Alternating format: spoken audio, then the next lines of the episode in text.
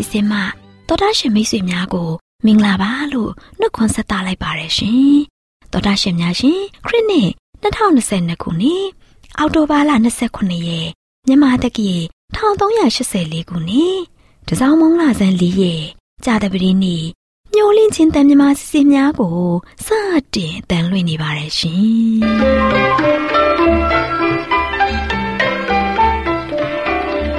။ရှင်များခင်ဗျာခရစ်နှစ် 2022ခုနှစ်အောက်တိုဘာလ30ရက်မြန်မာတက္ကရာ1384ခုနှစ်တစောင်းမုံလဆန်း9ရက်တနင်္ဂနွေနေ့ကနေစပြီးတော့မျှော်လင့်ခြင်းအတန်မြန်မာအစီအစဉ်ကိုနက်နက်6နာရီမိနစ်30မှ9နာရီအထိ16မီတာ kHz 10653ညညပိုင်း9နာရီမှ9နာရီမိနစ်30အထိ16မီတာ kHz 19533ညမှပြောင်းလဲအတန်လွှင့်ပေးမှာဖြစ်ပါတယ်ခင်ဗျာဒီကနေ့ ကြာသပတေးနေ့မှာထုတ်လွှင့်ပေးမယ့်အစီအစဉ်တွေကပျော်ရွှင်ချမ်းမာခရိယန်သာသနာအစီအစဉ်စံပြအိမ်အောင်ရေးအစီအစဉ်အစာအာဟာရဆိုင်ရာအကြံပေးချက်အစီအစဉ်တို့ဖြစ်ပါတယ်ရှင်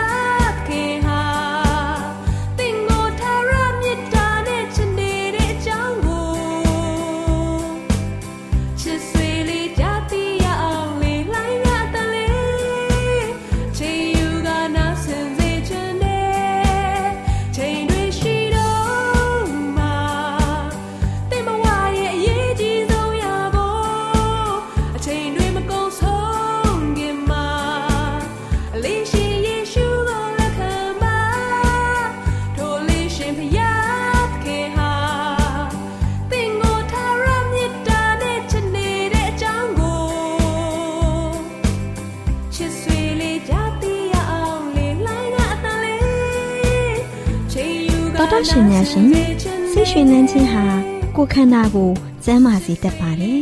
ခရိယန်သာသနာလုပ်ငန်းမှာလည်းပျော်ရွှင်မှုရှိဖို့လိုအပ်ပါတယ်ရှင်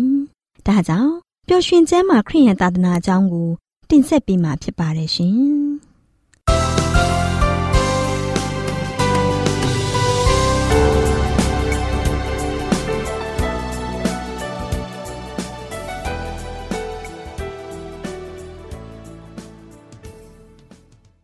မင်္ဂလာပေါင်းနဲ့ပြည့်ဝနေတဲ့အခုလိုချိန်မှာတောတရှင်များကို မင်္ဂလာပါလို့ဥစွာနှုတ်ခွန်းဆက်သလိုက်ပါရရှင်တောတရှင်များရှင်ဝိညာဉ်တော်စာပေဆိုတာလူမျိုးတိုင်းအဆင့်တန်မရွေပဲကျမ်းမာရေးလူမှုရေးပညာရေးဘာသာရေးတိုးတက်မြင့်မားရေးအတွက်လမ်းညွန်သွန်သင်ပေးနိုင်တဲ့အမှုမြတ်ဆုံးစာပေလို့ပြောနိုင်ပါတယ်ဒါကြောင့်ပျော်ရွှင်ကျမ်းမာခရိယန်သာသနာဆိုတဲ့ဝိညာဉ်စာပေရဲ့လမ်းညွန်သွန်သင်ချက်ကို ကျမအနေနဲ့မုံငါးလုံးဖြင့်လူအုပ်ကြီးအားကျွေးခြင်းဆိုတဲ့အကြောင်းနဲ့ပတ်သက်ပြီးတင်ပြပေးမှာဖြစ်ပါတယ်ရှင်။သောတာရှင်များရှင်ပင်လေကမ်းခြေမှာတရားဟောတော်မူတဲ့သခင်ခရစ်တော်နဲ့တပည့်တော်တွေဟာတရားနာလူအုပ်ကြီးကိုတိုးဝေလျက်ရှိပြီးရှင်းလင်းလွယ်ကူစွာ နားလည်နိုင်တဲ့ယေရှုခရစ်တော်ရဲ့တရားတော်ဟာသူတို့အဖို့ဂိလပြီမှပယုတ်စီလိုရင်ကိုငိမ့်စေခဲ့တဲ့ကိုတော်ရဲ့လက်တော်နဲ့ ဖျားနာတဲ့သူတွေဟာယောဂါတွေပျောက်ကင်းခဲ့ပါတယ်လူအုပ်ကြီးအဖို့အဲ့ဒီနေ့ဟာဒီလောကကြီးမှာထူထောင်ထားတဲ့ကောင်းကင်နိုင်ငံတော်လိုဖြစ်ပြီးမိမိတို့တစ်နေ့လုံးဘာမှမဆရသေးတာကိုတော့မှတတိမရတော့ပါဘူးနေလုံးကြီးဟာဝင်းလူဆဲဆဲဖြစ်ပေမဲ့လူအုပ်ကြီးဟာမပြန်သေးပါဘူးနောက်ဆုံးတော့တပည့်တော်တွေဟာကိုတော်ထံမှာချိကပ်ပြီးလူအုပ်ကြီးကိုပြန်ခိုင်းဖို့လျှောက်ထားကြပါတယ်တချို့သူတွေဟာ ဝေးလံတဲ့အရဒေသများမှရောက်ရှိလာပြီးတနေကုန်ဘာမှမစားရသေးပါဘူးဒါကြောင့်ပတ်ဝန်းကျင်မှာရှိတဲ့ရွာတွေမှာစားစရာရရှိဖို့ပြန်ခိုင်းကြပါတယ်ဒါပေမဲ့ယေရှုခရစ်တော်ကသူတို့စားစရာတင်တို့ပေးကြလော့ဆိုပြီးတော့မိန့်တော်မူတဲ့အခါမှာဖိလိပ္ပုကဒီလောက်ကြီးမားတဲ့လူအုပ်ကြီးကိုကြည့်ပြီးအစာကျွေးဖို့မဖြစ်နိုင်တာကိုတွေးတောလျက်ရှိပြီးဒီလူတို့ကိုမှုတ်တစ်ဖက်စီစေအောင်ဒေနာရိအပြား200ဘိုးထိုက်တဲ့ မုံမလောက်ပါဘူးလို့ပြန်ပြီးတော့ရှောက်တယ်ယေရှုခရစ်တော်ကလည်းဒီလူအုပ်ကြီးမှာမုံဘလောက်ရှိတာကိုမေးမြန်းတဲ့အခါမှာအန်ဒရေအမည်ရှိတဲ့တပည့်တော်ကမုံငါးလုံးနဲ့ငါးကလေးနှစ်ကောင်ပါတဲ့လူငယ်တယောက်ရှိပါတယ်ဒါပေမဲ့လည်းဒီလောက်များတဲ့လူတို့ဟာအဲ့ဒီမုံငါးလုံးနဲ့ငါးနှစ်ကောင်ကိုဘယ်လိုလောက်မှလဲလို့ပြန်ပြီးလျှောက်တယ်ယေရှုခရစ်တော်ကဒီမုံတွေကိုယူစေပြီးတပည့်တော်တွေကိုလူအုပ်ကြီးကိုမျက်ခင်းပြင်မှာ အဆုလိုက်နေရာချစေပါတယ်။နောက်ပြီးယေရှုရှင်ဟာမုံကိုယူပြီးတော့ကောင်းကင်ဘုံကိုမျှော်ကြည့်တယ်။မုံအပေါ်ကိုကောင်းကြီးသက်ရောက်စေပြီးမုံကိုဖဲ့တယ်။တပည့်တော်တွေကိုပေးပြီးတော့တပည့်တော်တွေကနေတဆင့်လူအုပ်ကြီးကိုဝေပေးကြတယ်။လူအုပ်ကြီးဟာလည်းဝဝလင်းလင်းစားကြပြီးမုံအကျိုးအပဲ့12တောင်းကိုကောက်သိမ်းနိုင်ခဲ့ပါတယ်။ယေရှုခရစ်တော်ဟာမိမိရဲ့တကိုးတော်နဲ့အဲ့ဒီလောက်အော့ဖွင့်မှုကို ပြုတ်ပြီးတော့လူအုပ်ကြီးကိုအစာကျွေးခဲ့ပါတယ်။ဒါပေမဲ့အင်မတန်မှရိုးစင်းတဲ့ဂါလိလဲပြည်သားတငါသည်တွေရဲ့နေ့စဉ်အစားအစာကိုသာစားစေခဲ့ပါတယ်။သခင်ခရစ်တော်ဟာတထေးတကြွယ်တွေရဲ့အစားအစာတွေနဲ့အဲ့ဒီလူအုပ်ရဲ့တဏှာလောဘကိုဖြစ်စည်းဖို့ဖန်ဆင်းတော်မူနိုင်ပေမဲ့ဒီအံ့ဘွယ်အမှုပြုခြင်းဖြင့်ရိုးသားစွာနေထိုင်မှုသင်ခန်းစာကို ပြတော်မူခဲ့ပါတယ်။ဒီနေ့လူသားတွေဟာ ရိုးသားစွာနဲ့တဘာဝတရားနဲ့အညီအာဒါနဲ့အေးဝလိုနေထိုင်ကြမယ်ဆိုရင် လူသားတရက်လုံးရဲ့လိုအပ်ချက်တွေအတွက်အလုံအလောက်ရှိနိုင်ပါတယ်။ဒါပေမဲ့လည်းအစာကျူးပြီးတကူကောင်းဆန်တဲ့ကြင်ကြံမှုတွေကြောင့်တချို့လူတွေမှာများစွာပိုရှံပြီးတချို့လူတွေကြတော့ချို့တက်တယ်။အပြစ်ကျူးလွန်ခြင်းနဲ့ဝမ်းနဲ့ပူဆွေးခြင်းတွေဒီနေ့တိုင်တိုးပွားလျက်ရှိပါတယ်။လောကစည်းစိမ်တတ်မဲ့တဲ့လောဘစိတ်ကို ဖြစ်စည်းပေးခြင်းဖြင့် ယေရှုရှင်ဟာလူတွေကိုမိမိထံကိုဆွဲဆောင်ခြင်းမရှိခဲ့ပါဘူး။တနေ့တာရဲ့စိတ်လှုပ်ရှားမှုတွေပင်ပန်းမှုတွေနဲ့နွမ်းနယ်လျက်ရှိတဲ့လူအုပ်ကြီးရဲ့အခြေခံလိုအပ်ချက်ကိုဖြစ်စည်းပေးတော်မူပြီးမိမိရဲ့ဘုံတကိုးနဲ့မေတ္တာတော်ကိုကိုရောဟာတက်တည်ပြတော်မူခဲ့ပါတယ်။လူအုပ်ကြီးကိုအစာကျွေးပြီးတဲ့အခါမှာပိုရှန်တဲ့အစားအစာတွေကိုဘာမှမပြောက်စေဖို့ကြံကျွေးတဲ့အကျိုးပဲ့တွေကိုကောက်သိမ်းစေခဲ့တယ်။မိမိတို့အတွက်ဒီလောကမှာရှိမဲ့ ဘယ်အရာကိုမှ ဆုံးရှုံးခြင်းမရှိစေဘဲလူသားတွေရဲ့အကျိုးကိုကျမတို့လစ်လူရှုခြင်းမရှိစေရပါဘူးဒီလောကမှာ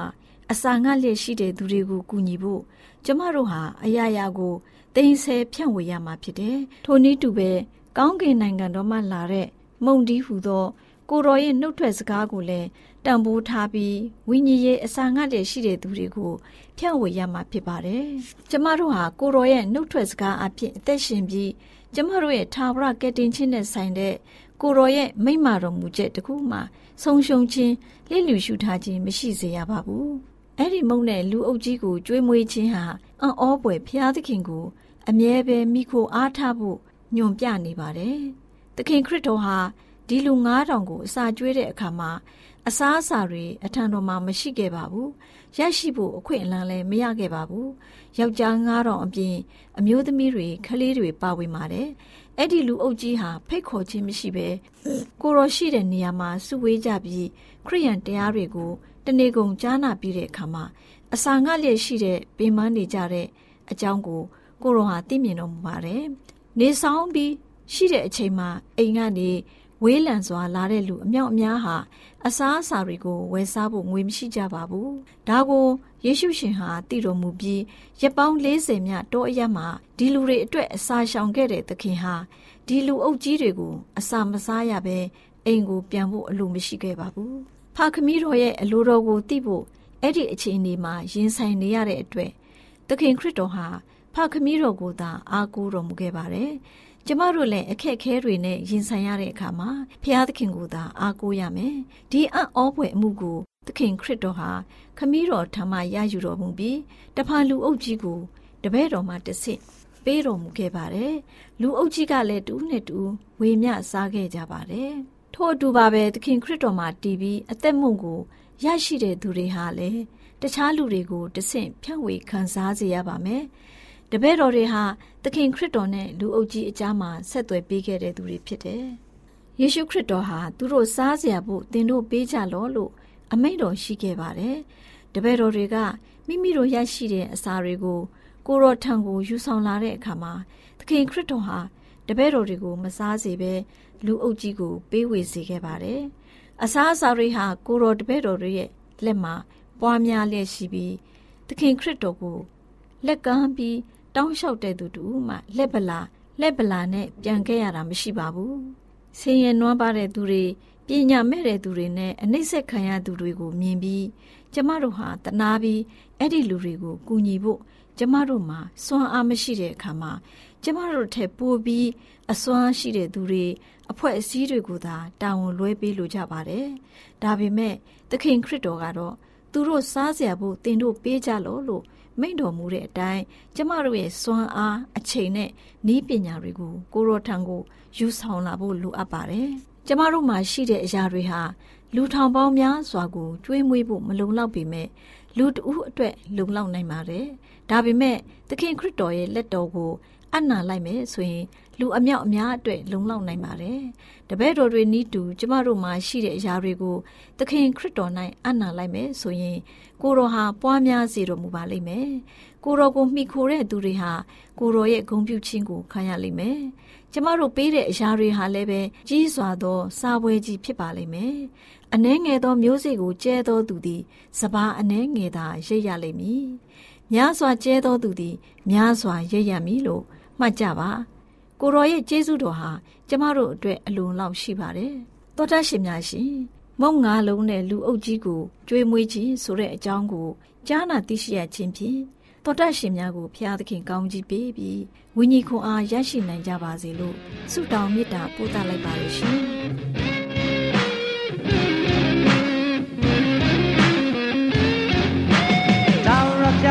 ပါရဲကိုမနေခင်ဒီပဲချစ်တဲ့ချင်းတွေကပြောနေလေလူသားချင်းတူတဲ့ဆန်းဆိုင်လူချင်းကိုပြစ်ပဲကံချစ်ခဲ့မိရင်ဒီနေ့တော့သင်ဒီချိုးဖောက်တဲ့သူမနေခင်ပြစ်ရှိတဲ့သူလိမ်ညာကသက်ရှင်တော်သူမြင်းများတပြားကိုကဲစင်းမချင်ရင်လူသားတိုင်းချင်နိုင်ရမယ်လူသားအားလုံးနဲ့ဒီချွေးများတွေတိုင်းတော်ပေါ်မှာသက်ဆွရှာ တပတ်တာချင်မှုတွေ့နေတဲ့ကိုလူတွေကတင်ချင်ရဖို့ဆုံးခဲ့ပြီပဲတရတော်ရှင်ပြမြတ်တာနင်းတော်လမ်းပြမှုနဲ့ပြည်ချန်နေတဲ့သိဘဝကိုဖြူစင်သွားအောင်စေတော်ပြဖို့နှုတ်ကပတ်ပါကြနဲ့စေကြောကသန့်စင်သိဘဝဟာပြည့်ဖြစ်သွားမယ်နင်းတော်လမ်းပြမှုနဲ့ပြည်ချန်နေတဲ့သိဘဝကိုဖြူစင်သွားအောင်စေတော်ပြဖို့ နှုတ်ပတ်မှာချတယ်စီကြောကသန့်စင်ကောင်းဆုံးတဲ့ကောင်းဆုံးဖြစ်မယ်အဲအဲ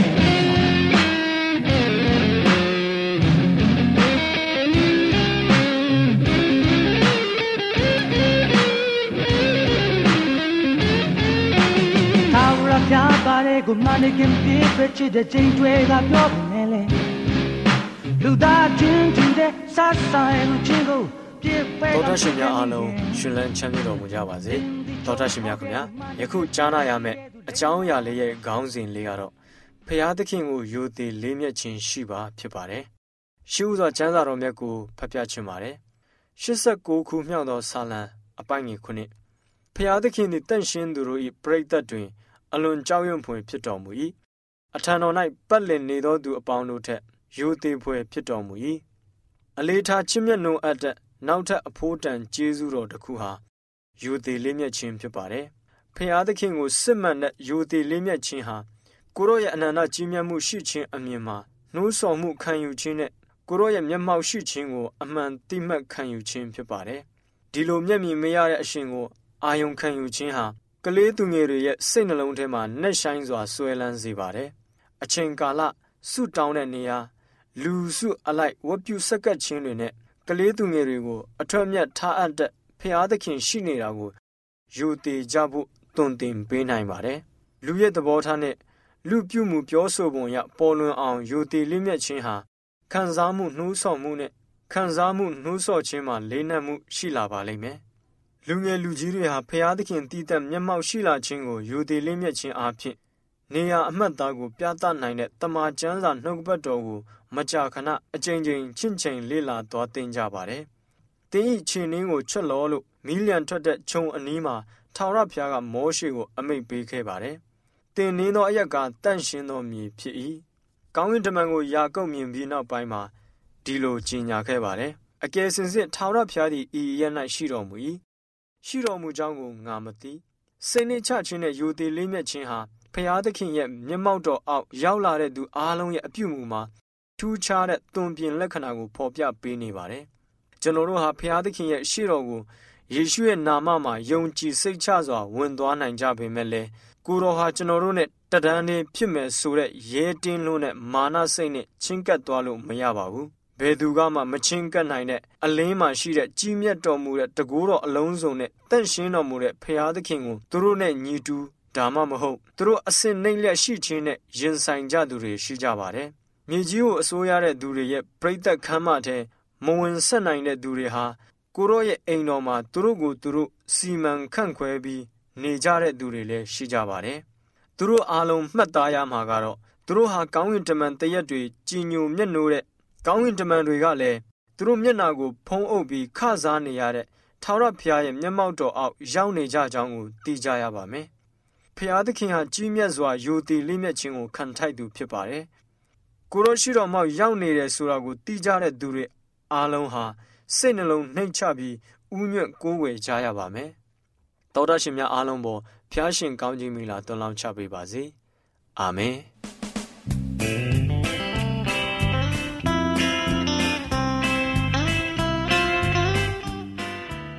သောတာရှင်မိတ်ဆွေများရှင်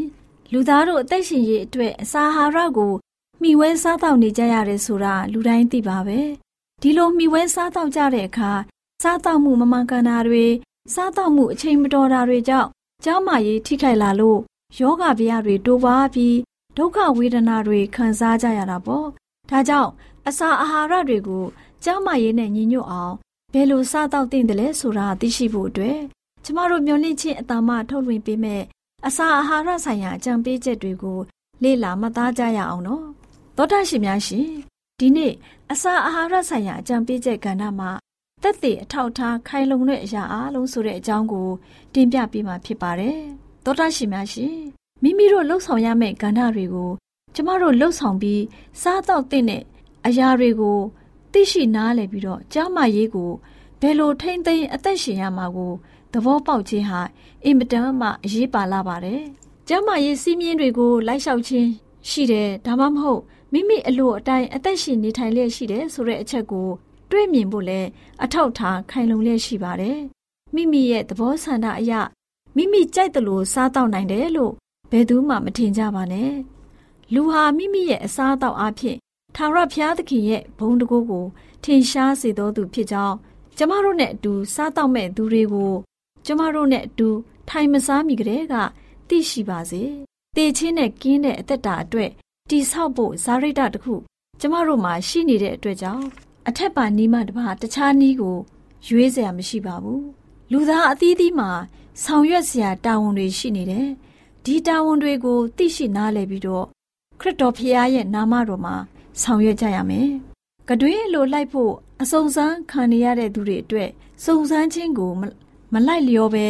အာဟာရရှိတဲ့အစားအစာတွေကိုစားသုံးခြင်းအပြင်ကိုကိုကို ကာကွယ်ကြရမှာဖြစ်တယ်။ကျန်းမာရေးနဲ့ပြည့်စုံတဲ့အစားအစာတွေကို စားတလာစေဖို့ကြင့်ယူလို့ရရှိနိုင်ပါတယ်။အဲ့ဒီလိုစ조사ကျင့်ဆောင်တဲ့သူတွေကိုထာဝရဘုရားသခင်မဆတော်မူပါလိမ့်မယ်။ဒါပေမဲ့လူသားတွေကမိမိတို့အတွက်မိမိကိုယ်တိုင်မစ조사ရင်အဲ့ဒီလူတွေအတွက်ဖျားသခင်ကဘယ်လိုလှုပ်ဆောင်ပေးနိုင်ပါမလဲမကောင်းတဲ့ကျင့်စရိုက်တွေနဲ့ကင်းရှင်းသွားစေဖို့ကြောက်ရွံ့တဲ့စိတ်နဲ့လူတို့ဟာ ကိုယ်ကန္တာကိုကိုယ်တိုင်လှုပ်ဆောင်ကြရမှာဖြစ်တယ်ဖျားသခင်ရှေ့မှောက်မှာအကောင်းဆုံးအခြေအနေမှာရှိနေဖို့ထိမ့်သိမ့်ဖို့တင့်လျော်တဲ့လူတို့ရဲ့ခန္ဓာကိုယ်ကိုမှားယွင်းစွာအသုံးပြုမိမှာကိုစိုးတဲ့အတွက်ကြောက်ရွံ့တုန်လှုပ်တဲ့စိတ်နဲ့ကိုယ်ကန္တာကိုလှုပ်ဆောင်ကြရမှာဖြစ်တယ်သောတာရှင်များရှင်စိတ်နှလုံးပြောင်းလဲခြင်းဟာပြောင်းလဲခြင်းအစစ်ဖြစ်ပါတယ်။ဖျားသခင်ရဲ့အမှုတော်မှာပါဝင်လှုပ်ဆောင်နေတဲ့သူတွေဟာလောကဝမ်းမြောက်ခြင်းတွေနဲ့ အတ္တလွန်ကဲတဲ့စိန်ခံခြင်းတွေကိုရယူပိုင်ဆိုင်ဖို့ကြိုးစားကြရမှာမဟုတ်ပါဘူး။အသင်းတော်ဆေးရုံများမှတမားတော်ကြီးတွေကိုလည်းကျမ်းမာခြင်းပြုပြင်ပြောင်းလဲရေးဆိုင်ရာစီးမြင့်အတိုင်းအသက်ရှင်စေကြရမှာဖြစ်တယ်။ခရစ်တော်ဖျားရဲ့ကျေးဇူးတော်ဟာလူသားတွေရဲ့စိတ်နှလုံးထဲမှာခိုင်မာတဲ့စီးမြင့်တစ်ခုမဖြစ်တဲ့ကာလပတ်လုံးသူတို့ဟာမှန်မှန်ကန်ကန်ချုပ်တီးချိုးချနိုင်ကြမှာမဟုတ်ပါဘူး။ကဘာပေါ်မှာပြုခဲ့သမျှဂတိကဝတ်တွေဟာဘယ်လူသားမှ ကြမ်းမာခြင်းပြုပြင်ပြောင်းလဲရေးသမားဖြစ်မလာနိုင်ပါဘူး။အစားအသောက်တွေကိုတားမြစ်ပိတ်ပင်ယုံနဲ့လဲလူတို့ရဲ့ဆိုးရွားတဲ့ကတွင်အလိုလိုက်မှုကိုမပပြောက်နိုင်ပါဘူး။သောတာရှင်များတို့သင်တို့ရဲ့စိတ်နှလုံးကိုဖျားသခင်ရဲ့ကျေးဇူးတော်အားဖြင့်အသိပြုပြင်ပြောင်းလဲခြင်းမပြုလုပ်မီသရွေ့ကာလပတ်လုံးသင်တို့ဟာခတ်သိမ်းသောအမှုတို့မှာချုပ်တီးချိုးချနိုင်ကြလိမ့်မှာမဟုတ်ပါဘူး။ပတ်ဝန်းကျင်အခြေအနေတွေဟာပြုပြင်ပြောင်းလဲမှုများကိုအမှန်တကယ်မဖြစ်ပေါ်စေနိုင်ပဲ စိတ်နှလုံးပြောင်းလဲမှသာပြုပြင်ပြောင်းလဲမှုတွေကိုဖြစ်စေနိုင်တယ်လို့ခရိယအယူဝါဒကဖွင့်ဆိုထားတယ်။စိတ်နှလုံးမှာခရစ်တော်ပြုပြင်တဲ့အရာတွေဟာပြောင်းလဲသွားတဲ့သူတူရဲ့ဖွင့်ဆိုမှုအပေါ်မှာထင်ရှားပေါ်လွင်လာပါလိမ့်မယ်။အတွင်းပိုင်းကိုပြောင်းလဲဖို့အပြင်ပန်းမှာအစပြုပြောင်းလဲခြင်းဟာအရာမရောက်တတ်ပါဘူး။တင့်အတွက်ဖျားသခင်ရဲ့အကြံတော်ဟာအခက်အခဲအမျိုးမျိုးကိုဖန်တီးပေးနိုင်တဲ့နှလုံးသားကို စတင်ပြောင်းလဲဖို့ဖြစ်ပါတယ်။ဒါမှသာလေဖြောက်မှတ်ခြင်းစီးမြင်တွေဟာစိတ်နှလုံးထဲမှထွက်ပေါ်လာပြီးပြုပြင်ပြောင်းလဲမှုတွေဟာလည်းအတွင်းပိုင်းမှာဖြစ်တယ်လို့အပြင်ပန်းမှာလည်းဖြစ်ပေါ်လာပါလိမ့်မယ်။ဖျားသခင်ရဲ့အမိန့်တော်အတိုင်းနှုတ်ထွက်စကားတွေနဲ့ဝိညာဉ်တော်စာဆောင်များမှတဆင့်ရရှိတဲ့အလင်းတရားတွေအရအသက်တာအဆင့်တန်းကိုတတ်နိုင်သမျှမြင့်တင်နေသူတွေဟာနဲများမဟူသောဆွေမျိုးမိတ်ဆွေတင်ဂဟတွေနဲ့ ဆန္ဒနဲ့ကိုက်ညီအောင်မိမိတို့ရဲ့အသက်တာပုံစံကိုပြောင်းလဲပြစ်ကြလိမ့်မှာမဟုတ်ဘူးလူတို့ဟာအာဟာရဆိုင်ရာစီးမြင်တွေကိုတိတိကျကျလိုက်လျှောက်ပြီးတော့ဖျားသခင်ရဲ့အလိုတော်နဲ့အညီစားတော့ကြမယ်ဆိုရင်ဖျားသခင်ရဲ့စိတ်တော်နဲ့တွေ့တဲ့သူများဖြစ်ကြပါလိမ့်မယ်ဆိုတဲ့အကြောင်းကိုအစာအာဟာရဆိုင်ရာအကြံပေးကဏ္ဍမှာကျမ်းမာရေးအတွက်အကြံပေးတင်ပြလိုက်ပါရရှင်။တောင်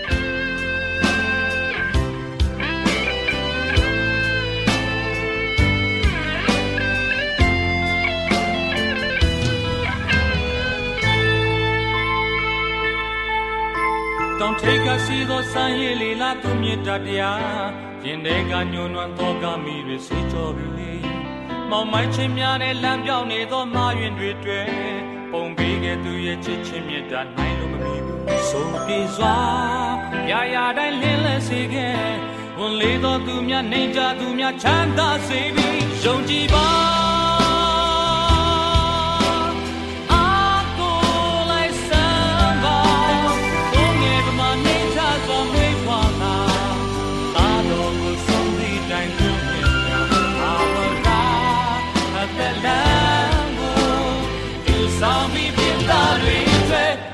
တင်ရှင်ပါ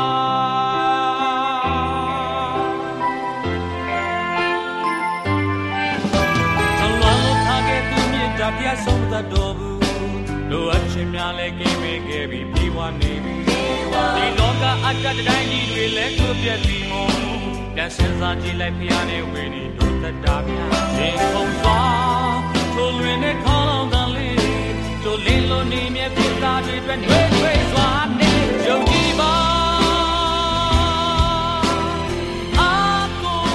ဒ္ဓရှင်များရှင်ကျမတို့ရဲ့ဓာတ်ရိတ်တော်စာပေးစာယူသင်တန်းဌာနမှာ အောက်ပါသင်တန်းများကို ပို့ချပေးလျက်ရှိပါတယ်ရှင်သင်တန်းများမှာစိတ်ဓာတ်ဒုက္ခရှာဖွေခြင်းခရစ်တော်၏အသက်တာနှင့်တုန်တင်ချက်များတဘာဝတရားဤဆရာဝန်ရှိပါကျမ်းမာခြင်းနှင့်အသက်ရှည်ခြင်းသင်နှင့်တင့်ကြမာရေးရှာဖွေတွေ့ရှိခြင်းလမ်းညွန်သင်ခန်းစာများဖြစ်ပါရဲ့ရှင်သင်တန်းအလုံးဟာအခမဲ့သင်တန်းတွေဖြစ်ပါတယ် ဖြည့်ဆို့ပြီးတဲ့သူတိုင်းကိုဂုံပြုလွှာရှင်းပြပေးမှာဖြစ်ပါတယ်ရှင်တော်တာရှင်များခင်ဗျာဓာတိတော်အတန်းစာပေးစာယူဌာနကိုဆက်သွယ်ခြင်းနဲ့ဆိုရင်တော့ဆက်သွယ်ရမယ့်ဖုန်းနံပါတ်ကတော့39 656 296 336နဲ့39 98 316 694ကိုဆက်သွယ်နိုင်ပါတယ်ဓာတိတော်အတန်းစာပေးစာယူဌာနကိုအီးမေးလ်နဲ့ဆက်သွယ်ခြင်းနဲ့ဆိုရင်တော့ l a l r a w n g b a w l a @ gmail.com ကိုဆက်သွင်းနိုင်ပါတယ်။ဒါ့အပြင်အတန်းစာပေးစာဥထာဏာကို Facebook နဲ့ဆက်သွယ်ခြင်းနဲ့ဆိုရင်တော့ SOE SANDAR Facebook အကောင့်မှာဆက်သွင်းနိုင်ပါတယ် AWR မျော်လင့်ခြင်းအတန်ကိုအားပေးနေတယ်တော်တာရှင်များရှင်မျော်လင့်ခြင်းအတန်မှာအကြောင်းအရာတွေကိုပုံမသိရှိပြီးဖုန်းနဲ့ဆက်သွယ်လိုပါက 39 2939 3926ခွန်45နောက်ထပ်ဖုန်းတစ်လုံးအနေနဲ့39 688 664 48ခွန်ကိုဆက်သွယ်နိုင်ပါတယ်ရှင်။ AWR မျော်လင့်ခြင်းအတန်ကိုအားပေးနေတဲ့တောတာရှင်များခင်ဗျာ။မျော်လင့်ခြင်းအတန်ကအကြောင်းအရာတွေကိုပုံမသိရှိလိုပြီးတော့ဖုန်းနဲ့ဆက်သွယ်လို့မယ်ဆိုရင်တော့39 253 396 945နဲ့39 688 464 48ခွန်ကိုဆက်သွင်းနိုင်ပါတယ်တောတာရှင်များရှင် KSTA အာကခွန်ကျွန်းမှာ AWR မျိုးလင့်ချင်းအတံမြန်မာအစီအစဉ်များကိုအတံလွှင့်တဲ့ခြင်းဖြစ်ပါတယ်ရှင်။ AWR မျော်လင့်ခြင်းအတန်ကိုနာတော်တာဆင် gay ကြတော့တောတာရှင်အရောက်တိုင်းပေါ်မှာဖျားသခင်ရဲ့ကြွယ်ဝစွာသောကောင်းကြီးမင်္ဂလာတက်ရောက်ပါစေ။ကိုယ်စိတ်နှဖျားစမ်းမွှေလန်းကြပါစေ။ကျေးဇူးတင်ပါတယ်ခင်ဗျာ။